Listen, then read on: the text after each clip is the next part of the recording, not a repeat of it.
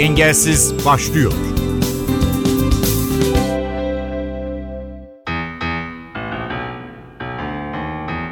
Merhaba ben Ayhan Aktaş. Yeni bölümümüzde suda kaybettiklerini yine suda bulma çabasına giren ve bu yolda önemli başarılar elde etmiş para yüzücü Serdar Demir yer alıyor. Demir hikayesi ve hedefleriyle çok farklı. Merak ettiklerimi sordum, iyi dinlemeler.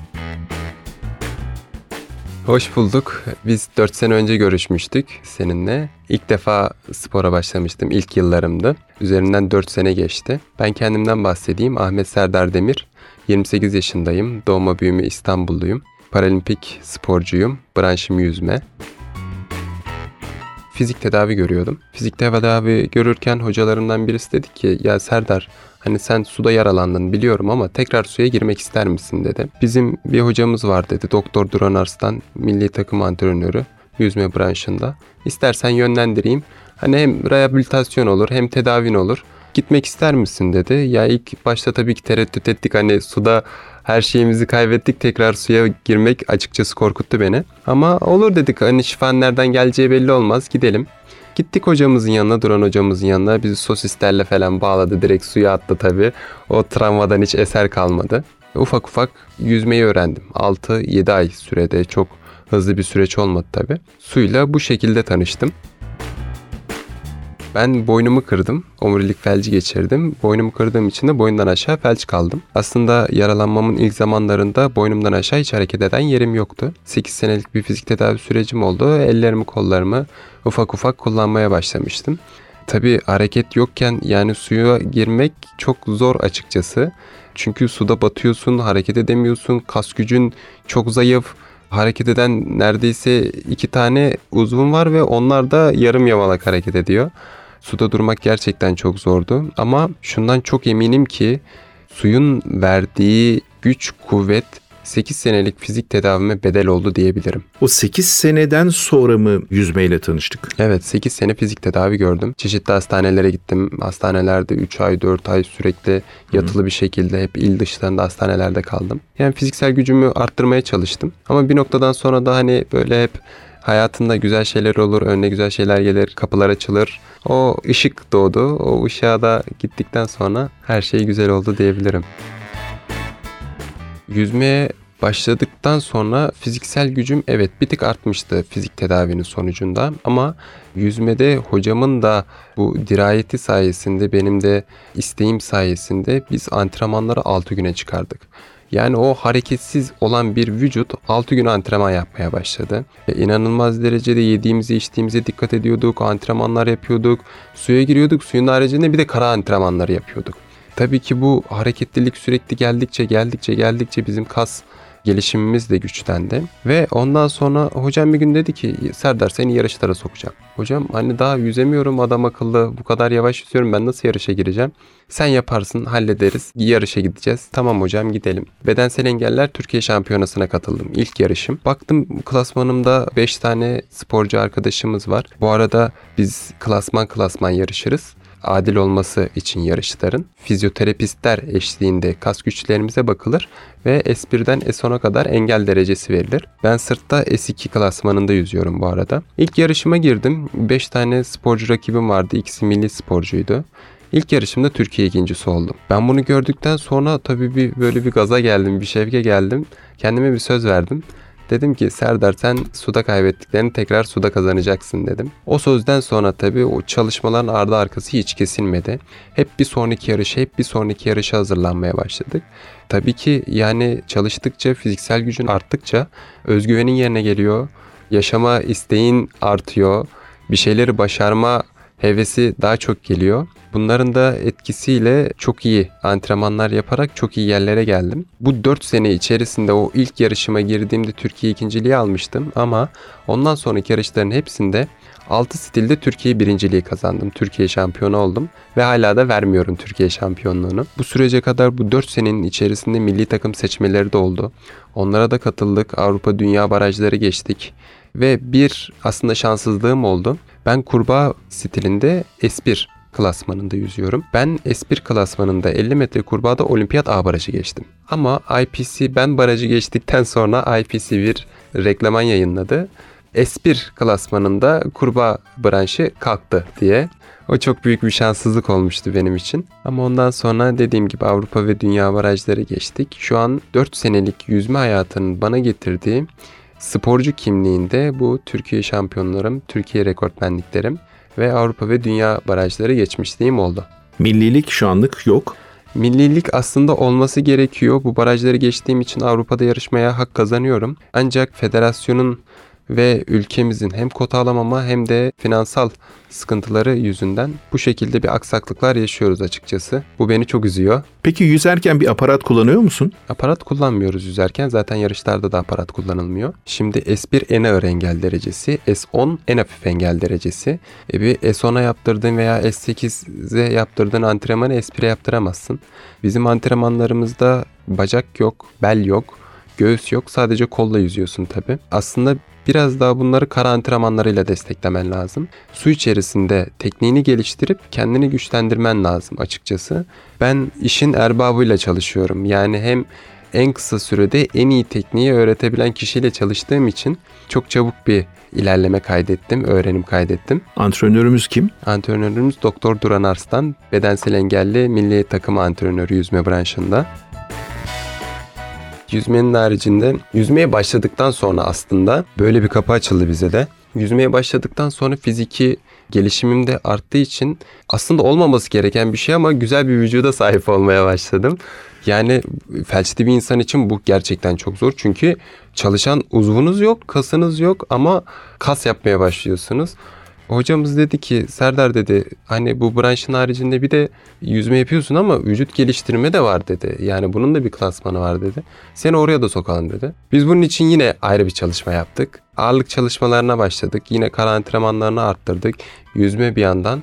Tabi bunu yapmak sadece çalışmalarla olmuyor. Diyete girmen lazım, şeker almaman lazım ne bileyim protein yüklemen lazım vesaire yine özel çalışmalar yaptık. Ona da katılalım dedik. Türkiye Şampiyonası'na katıldık. Vücut geliştirme Türkiye Şampiyonası'na. Onda da yine engelli kategorileri vardı. Orada da bir ikinciliğim, bir yarışta ikinciliğim, diğer yarışta da üçüncülüğüm olmuştu. O da şundan ötürü orada klasman ayrılmıyor. Yani hafif engeli olan da aynı derecede benimle, ben de aynı derecedeyim. Bu yüzden bir klasman ayrımı olsaydı yine bir birincilik, bir şampiyonluk kovalayabilirdik. Ama bir branşımda vücut geliştirme olarak eklendi.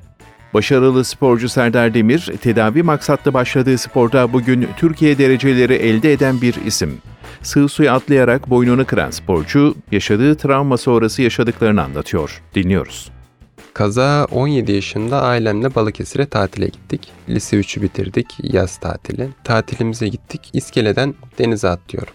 15 gün defalarca aynı yerden aynı şekilde yani bilmeden yaptığım hiçbir şey yok. 15. günün sonunda tatilin son günü tekrar suya girip çıkıp gideceğiz yani. Denize balıklama bir şekilde girdim. Kafamı kuma vurdum. Kafamı kuma vurduktan sonra boynum kırıldı tabi. Boyun kırıldıktan sonra bütün vücut felç kaldı. E, hareket edemiyorsun ama aynı zamanda da suyun altındasın. Bir şeylerin farkındayım. Bir şeyler oluyor. Hani sudan çıkamıyorum ama ne olduğunu bilmiyorum. Nefesimi tuttum. Hani belki bir gelir kurtarır vesaire diye. 2 dakika küsür suyun altında kaldım. Ama en sonunda tabii nefesi bıraktıktan sonra ne olduğunu bilmiyorum. Artık suyun üstüne mi vurdum ne olduysa atlayanlar mı beni izleyenler mi gördü atlarken beni gelip sudan çıkarıyorlar. Ama ben sudan cansız bir şekilde çıkıyorum. Çok büyük bir şans eseri suda tatillerini yapan hemşire ve doktor var. Onlar zaten benim ikinci hayata gelme şansım oldu. İlk yardım yapıyorlar, suni teneffüs falan yapıyorlar. Tekrar hayata kalp atışlarımı canlandırıyorlar. Ondan sonrasında ambulans falan geliyor. Beni apar topar alıp hastaneye götürüyorlar. Boynumun kırık olduğunu MR'da anlıyorlar ve ameliyat ediyorlar. Boynuma platin takılıyor ve sonrasında da engellilik hayatım başlıyor. Tekerlekli sandalyeyle. Ben suda boğulduğum için bir de ciğerlerim de iflas ediyor açıkçası. Tam 8 ay yoğun bakımda trakeostomi takılarak solunum cihazına bağlı bir şekilde kalıyorum. Hareket edemiyor vücut, nefes alamıyor, makine nefes alıp veriyor. 8 ayımda yoğun bakımda o şekilde geçti. Ondan sonrasında sağlık problemlerini atlattım. Ama boyundan aşağı vücut hareketsiz bir vücutta baş başa kaldık. Ondan sonra da tedavi süreci başladı. İstanbul'da, Balıkesir'de, Nevşehir'de, Ankara'da, Trabzon'da hep çeşitli çeşitli illerde aylarca giderek tedavi gördüm. Ne zaman yürüyemeyeceğini anladın? Bu çok uzun oldu açıkçası. Yani biz ilk fizik tedaviye başladığında omurilik felcinin ne olduğunu bile bilmiyorduk hatta. Hep etrafında evet böyle tekerlekli sandalyede insanlar var ama cihazları falan takıp ayakları cihaz bağlıyorlar, ayağa kalkıyorlar.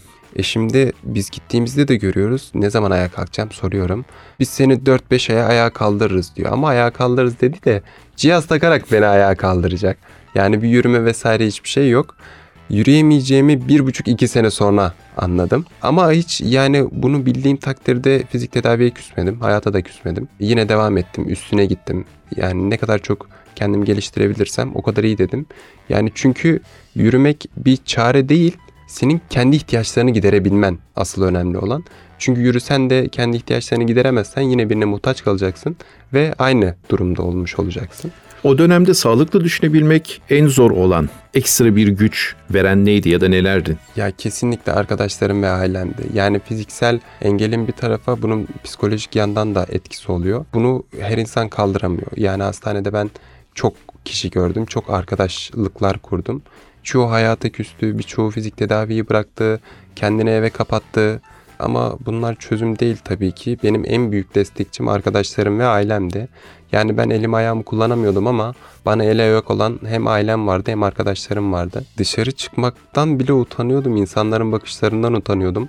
Yani ama onların desteğiyle ya biz varız hani keyfine bak dışarı çıkalım eğlenelim sen onları görme onlar seni görsün diyerekten çok fazla destek oldu. E, ailem bir yandan hiçbir şeyimi esirgemediler. Sürekli gelişimime yönelik sosyal olarak da mental olarak da katkılarda bulundular. E, en büyük sebebi o dönemleri aşabilmemin en büyük sebebi ailem ve arkadaşlarımdı. Sporun sana kattıkları ne oldu peki? Bunların üzerine ne ekledi? Yani sporda biz başarılar kazandıkça çok büyük kapılar açıldı bize. İlk kapım aslında üniversite kapısıydı. Ben yarışlara girmeye başladıktan sonra Rumeli Üniversitesi Spor Bilimleri Fakültesi'nde hem öğrenci olarak hem de lisanslı sporcusu olarak yüzmeye başladım. Burs verdiler bana. Şu an hatta 4. sınıftayım. Rekreasyon Spor Bilimleri Fakültesi'nde hı hı. rekreasyon 4. sınıftayım. Üniversitemi de bitireceğim. İlk kapım üniversite kapısıydı açıkçası. Daha sonrasında tabii bu işler biraz daha profesyonelleşmeye başlayınca göz önüne çıkmaya başladın. E göz önüne çıkmaya başlayınca da tabii teklifler gelmeye başladı sana. Söyleşiler, paneller oluyor. Bizi bu panellere davet ediyorlar açıkçası. Biz üniversitelere gittiğimizde hayatımızı anlatıyoruz. Sporda yaşadığımız zorlukları veya başarıları anlatıyoruz. Günlük hayattaki yaşantımızdaki başarıları veya zorlukları anlatıyoruz. Üniversite konuşmacısı da panel konuşmacısı da oldum açıkçası bu dönemden sonra. Çok fazla insan tanıdım aslında üniversiteye gittikten sonra üniversitelerdeki öğrenciler de çok sıcak gerçekten davranıyorlar bize ve anlamaya çalışıyorlar açıkçası. Bunlar benim hoşuma gidiyor. Hem evet. özel hayatı hem de sportif hayatı engellilerin kullandığı kıyafetlerin de ayrı bir özelliği olması gerekiyor çoğumuz için.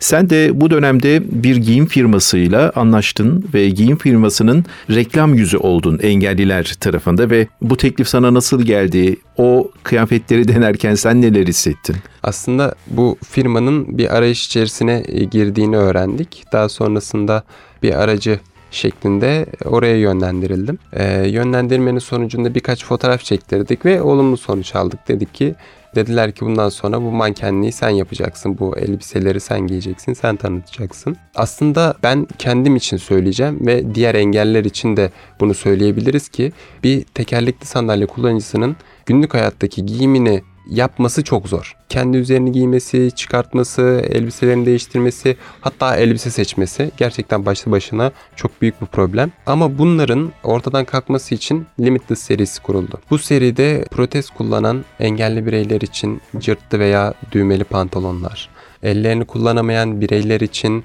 hem düğmeli arkasında da cırt olan yani düğmeye efor sarf etmeden ince becerin olmadan giyebileceğin bir gömlek tasarlanmış. Kendi üzerinden rahat çıkarabilmen için boyunun yanlarında yine cırtlı bir şekilde tişörtler, sivitler yapılmış. Bir engelli bireyin nasıl daha rahat giyinebilir, nasıl tarz olur gibisinden bir seride de yer aldık. Bunların da mankenlik çekimliğini yaptık. Bu çok zordu tabii ama bu süreç. Bir şeyler için katkı verdin esasında birçok insan için hayatını kolaylaştırmak adına. Aslında beni motive eden şeylerden biri de bu. Birilerine örnek olabiliyorsam çünkü bir şey yapılmadan yapılabileceğini bilmiyorsun. Ama o olabiliteyi, yapılabilirliği hı hı. birine gösterdiğinde o kişi gerçekten bunu alıyor ve o örnek davranış kendini alarak bir şeyler yapmaya çalışıyor ve bu beni çok motive ediyor. Tekrar dönelim spora. Yaptığın sporun en sevdiğin özelliği nedir? Suda ayakta durabiliyorum. Suda kimseye ihtiyacım yok. En iyi yaptığım işlerden biri. Bu yüzden su yani. Zaten suda kaybettiklerimi tekrar suda kazanmam da benim için çok büyük bir özgürlük. Bir özellik demeyelim de şöyle diyeyim artık yani prensip mi diyebilirim, karakterim mi diyebilirim. Ben kendimi evde tekerlekli sandalyenin üzerinde boş boş otururken hayal edemiyorum. Ve her zaman ne yaparsam yapayım en iyisi olması için yaparım. Bu belki de karakteristik özelliklerinden birisidir. Bir profesyonel spor yapıyorsan tabii ki her şeye dikkat etmen lazım. Antrenman programın, yemek yemen, uykun, hı hı. beslenmen her şeye dikkat etmen lazım. Bunlar bir kenara ama gerçekten istek çok önemli. Kırılma anı benim boynuma madalyayı taktığım an kesinlikle. Yani biz burada konuşuyoruz her şey dile kolay evet ama yani 4 sene boyunca her gün aynı şeyi yapmak, her gün sürekli üzerine koya koya gitmek, her gün kaslarının acıması, her gün diyet yapmak, her gün tatlı yiyememek, her gün erken uyumak, her gün sosyal hayattan feragat etmek bunlar söylerken çok kolay geliyor ama gerçekten çok zor şeyler. Bu bütün zor olan yaptığımız şeylerin bedelini ödeyip orada o yarıştan sonra madalya boynuna takıldığındaki an her şeye bedel. Kesinlikle kırılma anlarımdan birisi budur. Yani o duyguyu tarif edemem ya. Hem onur verici hem gurur verici. Ailen bir yandan seninle gurur duyuyor, antrenörün gurur duyuyor. Hayatta bu kadar engele rağmen bir şeyler başarabilmen daha da gurur verici. Kısa ve uzun vadede Serdar Demir'in planları nedir? Çok fazla planım var açıkçası. Kısa vadede öncelikle evet spor hayatım var ve en iyisi olmak için her zaman mücadele edeceğim. Bunu bırakmayacağım tabii ki. Ama bir yandan hayata da atılman gerekiyor. Yani bunun da bilincindeyim. Çünkü bir aile kurman lazım. Para kazanman lazım. Tabii bunlar da çok önemli sporun yanında. Aslında büyük hedeflerimden birisi var. Ben bu engelli hayatımda çok fazla zorluk çektim. Hem mental anlamda hem fiziksel anlamda. Ve 11 sene sandalyede geçirmeme rağmen hala yeni yeni şeyler öğreniyorum ve hayata adapte olma konusunda çok zorlanıyorum. Ama çok fazla tecrübeye de sahip olduğumu biliyorum. Benim bir özel merkez açıp yani sadece engelli bireylerin gelip bağımsız bir şekilde nasıl yaşayacaklarını öğretebileceğim mental anlamda, fiziksel anlamda onları geliştirebileceğim bir yer açmayı çok istiyorum. Bu benim hayallerimden birisi açıkçası. Bunun için aslında çok ufak tefek adımlar attım. Yani bir YouTube'a bir sayfa açtık ve burada atıyorum tekerlekli sandalyeden lavaboya nasıl geçersin? Tekerlekli sandalyeden arabaya nasıl geçersin? Tekerlekli sandalye üzerinde hiç kendini oynatmadan, bir yere geçmeden veya salona gitmeden yapabileceğin fiziksel hareketler seni güçlendirebilecek. Sonrasında hayatı kolaylaştırabilecek materyaller. Bu tarz videolar çekip paylaşıyorum ve geri dönüşleri de çok iyi oluyor. Çünkü yani çok yabancı kalıyorsun. Yabancı bir vücutta baş başa kalıyorsun. Hiçbir şey bilmiyorsun. E bunları da görerek öğreniyorsun. Geri dönüşleri çok güzel oluyor. Yani insanlar bunu nasıl yapmalıyım, şunu nasıl yapmalıyım, bana bu konuda yardımcı olur musun diye bana sorduklarında otomatikman 1-0 önde başlıyorlar ve bu beni çok rahatlatıyor, çok motive ediyor açıkçası. Sen nasıl öğrendin? Ben hep kendim öğrendim. Yani hep böyle hayata sıkı sıkı sarılmak çok zor bu dönemde biliyorum evet. Ama yani bu rahatsızlığın insanları bitirmesine izin veren çok dostum oldu. Program konuğumuz Serdar Demir gibi birçok engelli sporcu bu alana ilk adımlarını tedavi maksatlı başladıkları rehabilitasyon merkezlerinde atıyor. Bu tip yerler kişiyi tedavi ettiği gibi habilitasyonun katkılarıyla performans sporcusu seviyesine çıkmasına yardımcı oluyor. Peki nedir bu rehabilitasyon ve habilitasyon kavramları? İstanbul'da bulunan Yeşil Vadi Engelli Bireyler Spor Merkezi sorumlu müdürü Kerem Arda bu konularda aydınlatıcı bilgiler verdi. Kendisi de sporcu eğitmeni olan Arda, 4 yaşından 70 yaşına kadar tüm engelli bireylere hizmet verdiklerini söyledi. Yeşil Vade Engelli Bireyler Spor Merkezi İstanbul'daki engelli bireylere, engel tanısı olmuş almış olan bireylere hizmet verme amacıyla oluşturulan bir yapı. 2 yıl önce burada hizmet vermeye başladığımızda 4 yaş üzeri özellikle otizmli ve Down sendromu tanısı alan çocuklara hizmet vermeye başlamıştık. Özellikle pandemi döneminde başlayan bir hizmette bu. Burada mümkün olduğunca özellikle hareket egzersiz branşımızda, hareket egzersiz sınıflarımızda biz temel motor beceri özelliklerine bakıyoruz çocukların. İnce motoruna bakıyoruz, genel kaba motor özelliklerine bakıyoruz. Süreç içerisinde yapmış olduğumuz bu çalışmalarla beraber özellikle 2-4 yaş arası çocukları da burada hizmet vermeye başladık. Haftada bir gün 45 dakika hareket egzersiz branşlarında yapmış olduğumuz çalışmalar sonrasında çocuklarda hem ön test son test sonucunda hem de yapmış olduğumuz gözlemlerde habilitasyona biraz atıfta bulunacağım. Ciddi bir sıçrama gördük. Nedir bu sıçrama? Çocuk yabancı bir ev ortamından sonra çocuklar özellikle tanısı olan çocuklar evin haricinde hastaneyi görüyorlar. Rehabilitasyon merkezlerini görüyorlar. Fizik tedavi merkezlerini görüyorlar. Ve buraya geldiklerinde ki gördükleri manzara toplar, raketler, kareler, potalar, jimnastik minderleri. Dolayısıyla çocukların sosyal olarak da ne kadar mutlu buradan ayrıldıklarını görüyoruz. Yeşilvade Engelli Bireyler Spor Merkezi'ni bir rehabilitasyon merkezi olarak tanımlayamayız. Çünkü burada verilen hizmet spor hizmeti. Hareket egzersiz ve yüzme branşında çocuklara burada branşlar öğretilir. Eksik motor becerileri spor branşı aracılığıyla giderilmeye çalışılır ve çocukların bir şeyleri başarabildiği çocuklara anlatılır ve çocuklar da zaten kendi farkına varıyorlar. Dolayısıyla biz rehabilitasyon yapmıyoruz. Rehabilitasyon alan çocuklara destek veriyoruz. Sporla destek veriyoruz. Bu habilitasyona daha çok girdiğini inanıyorum. Çünkü çocukların bireysel olarak özgür olabildikleri en nadir alanlardan bir tanesi spor. Özetleyecek olursak rehabilitasyondan ziyade habilitasyonu burası daha çok uyuyor. Engelli bireyler özelinde çalışmak meşakkatli ama bir o kadar da kıymetli bir iş. Özellikle özel gereksinimli olan, engel tanısı olan çocuklarla uğraşmak da ayrı bir gönüllülük istiyor. Bizim spor merkezimizde hizmet veren arkadaşlarımız Beden Eğitimi Spor Meslek Yüksekokulu Spor Bilimleri Fakültesi mezunu arkadaşlarımız. Hepsi kendi branşlarında antrenörlük belgelerine sahip. Hepsi kendi branşlarında zamanında Türkiye şampiyonlarına katılmış, milli sporcu olmuş antrenör kadromuz mevcut burada. Ama engelli bireyler özeline indiğinizde tabii ki biz de hizmet içi eğitimlerimizle geçmişten uygulanan hatalar ve olması gerekenleri eğitmen kadromuza e, anlatarak bir oryantasyon süreci sürdürüyoruz burada.